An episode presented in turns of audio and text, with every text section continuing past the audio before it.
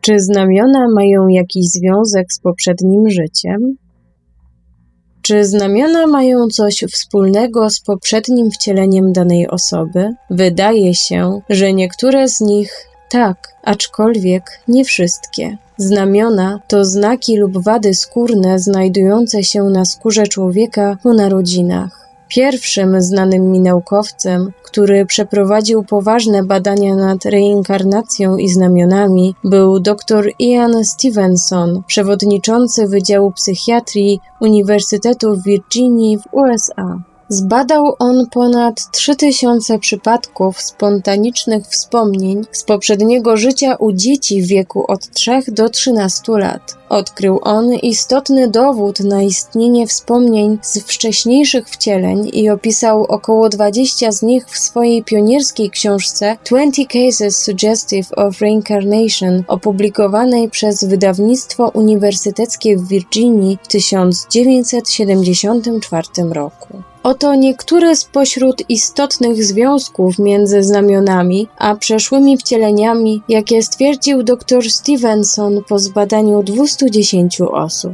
1. Indyjski chłopiec imieniem Maharam pamiętał, że w poprzednim życiu został zabity strzałem z bliskiej odległości. Pamiętał wystarczająco dużo szczegółów, by Stevenson mógł odnaleźć raport z autopsji człowieka, przypuszczalnie reinkarnowanego jako Ram. Znamiona na klatce piersiowej Rama odpowiadają ranom u tamtego człowieka. 2. Dwunastolatek ze środkowego wschodu, który miał na szyi znak lub skazę w kształcie kręgu, pamiętał, jak dwóch jego wujów odcięło mu głowę, aby otrzymać po nim spadek. 3. Karen Kubiko opublikowała swoje zdjęcia ze szkoły średniej ze znamieniem na karku, a następnie zdjęcie z późniejszego okresu bez tego znamienia. Mówiła, że pamięta, że w poprzednim życiu była kobietą o imieniu Helen, która zmarła w 1927 roku w wyniku trafienia przez zabłąkaną kulę. Znak znajdował się w miejscu, w którym w jej wizji trafił ją pocisk. Gdy sobie to przypomniała, znamie stopniowo zanikło. Kilka lat temu na seminaria uczęszczała doktorująca studentka z Wydziału Inżynierii Genetycznej Uniwersytetu Filipińskiego, która miała dużego krwiaka w dolnej części pleców i wielkiego pieprzyka po prawej stronie brzucha. Podczas sesji regresyjnej ujrzała siebie jako mężczyznę przywódcę rebelii, nawołującego lud do chwycenia za broń i powstania przeciwko rządowi w XVII-wiecznych Włoszech. Zauważył ją tam żołnierz, który wbił jej w plecy drewnianą włócznię. Inny żołnierz postrzelił ją w prawą część brzucha.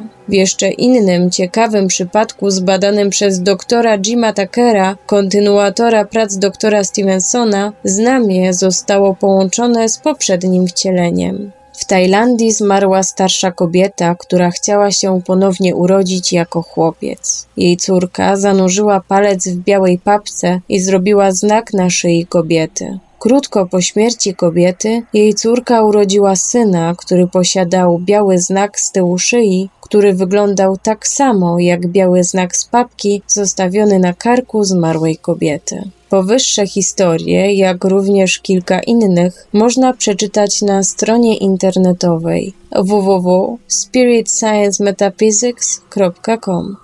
Gdy zapytano doktora Stevensona, w jaki sposób znamiona wciąż pojawiają się na skórze reinkarnowanej osoby, nawet gdy znajduje się już w nowym ciele, odpowiedział, że to z powodu pamięci wcześniejszego życia, która wciąż może siedzieć mocno w jej umyśle. A może to po prostu jest niezbędne, aby przypominać sobie o jej poprzedniej inkarnacji. Jamie Lee Coco, Philippine Daily Enquirer. Tłumaczenie i opracowanie Ivelios. Czytała Persefona.